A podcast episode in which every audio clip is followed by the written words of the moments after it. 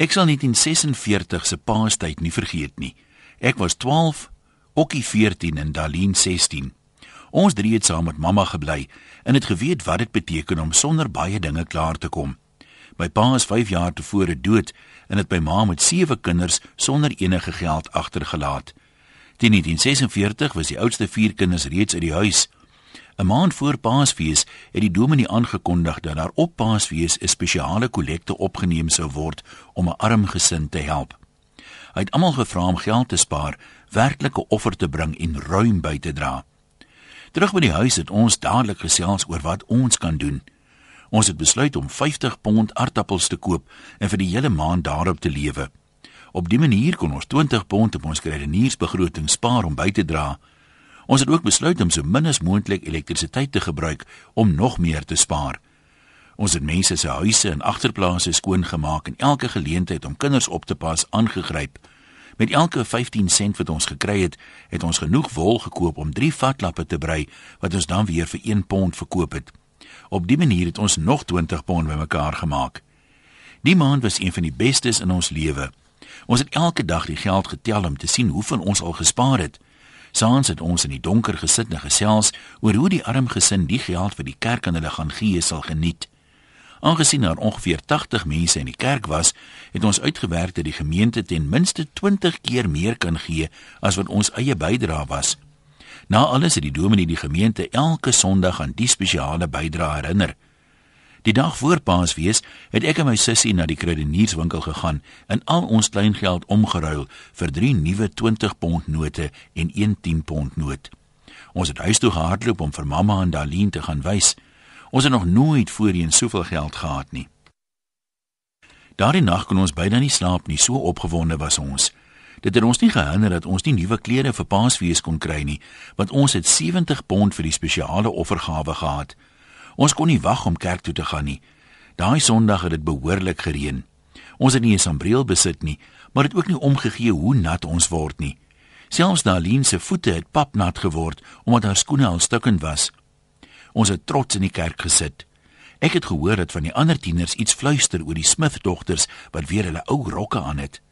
Ek het na hulle in hulle nuwe rokke gekyk en baie ryk gevoel. Toe die kollekte opgeneem word, het mamma die 10 pond noot ingegooi en ons drie kinders elkeen 'n 20 pond noot. Op pad huis toe het ons gesing. Middagete het mamma ons verras. Sy het 'n dosyn eiers gekoop en ons kon paaseiers saam met ons aardappels eet. Later daardie middag het die dominee voor ons huis gestop. Mamma het die deur oopgemaak, 'n oomblik met hom gepraat en toe teruggekom met 'n koevert in haar hand. Ons het gevra wat dit was, maar sy het niks gesê nie. Sy het die koevert oopgemaak. Toe val daar 'n klomp geld uit. Drie nuwe 20 pond note, een 10 pond noot en 17 pond note. Mamma het die geld teruggesit in die koevert en niemand het 'n woord gesê nie. Ons het almal net na die vloer gesit en staar. Waar ons 'n oomblik gelede nog soos miljonêers gevoel het, het ons nou arm en waardeloos gevoel. Ons het so 'n gelukkige lewe gehad dat ons almal jammer gekry het wat nie ons pa en ma gehad het nie of 'n huis vol boeties, sissies en vriende wat gedurig kom kuier het nie. Ons het gedink dis pret om eetgerei te deel en altyd te wonder wat jy vanaand gaan kry, die vurk of die lepel. Ons het twee messe gehad wat ons rondgestuur het vir wie dit ook al nodig gehad het. Ons het geweet dat ons baie dinge wat ander mense het nie het nie, maar ons het nooit gedink ons is arm nie. Maar daardie Paasfees het ons uitgevind dat ons wel arm was. Die dominee het immers die geld wat vir die arm gesin ingesamel is vir ons gebring. So ons moet arm wees.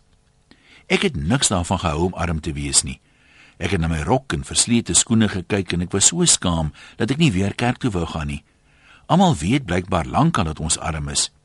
Op skool was ek in graad 9 en het eerste gestaan het meer as 100 kinders. Ek het gewonder of die kinders ook weet dat ons arm is. Ek het besluit om skool te los aangesien ek reeds graad 8 geslaag het en dit was al wat die wet destyds vereis het. Ons het lank in stilte gesit. Later het ons gaan slaap. Gedurende die week het ons min gepraat. Saterdag het mamma die stilte verbreek en gevra wat ons met die geld wil doen. Ons het gewonder, wat doen arme mense met geld? Ons het nie geweet nie, want ons het nooit geweet ons is arm nie.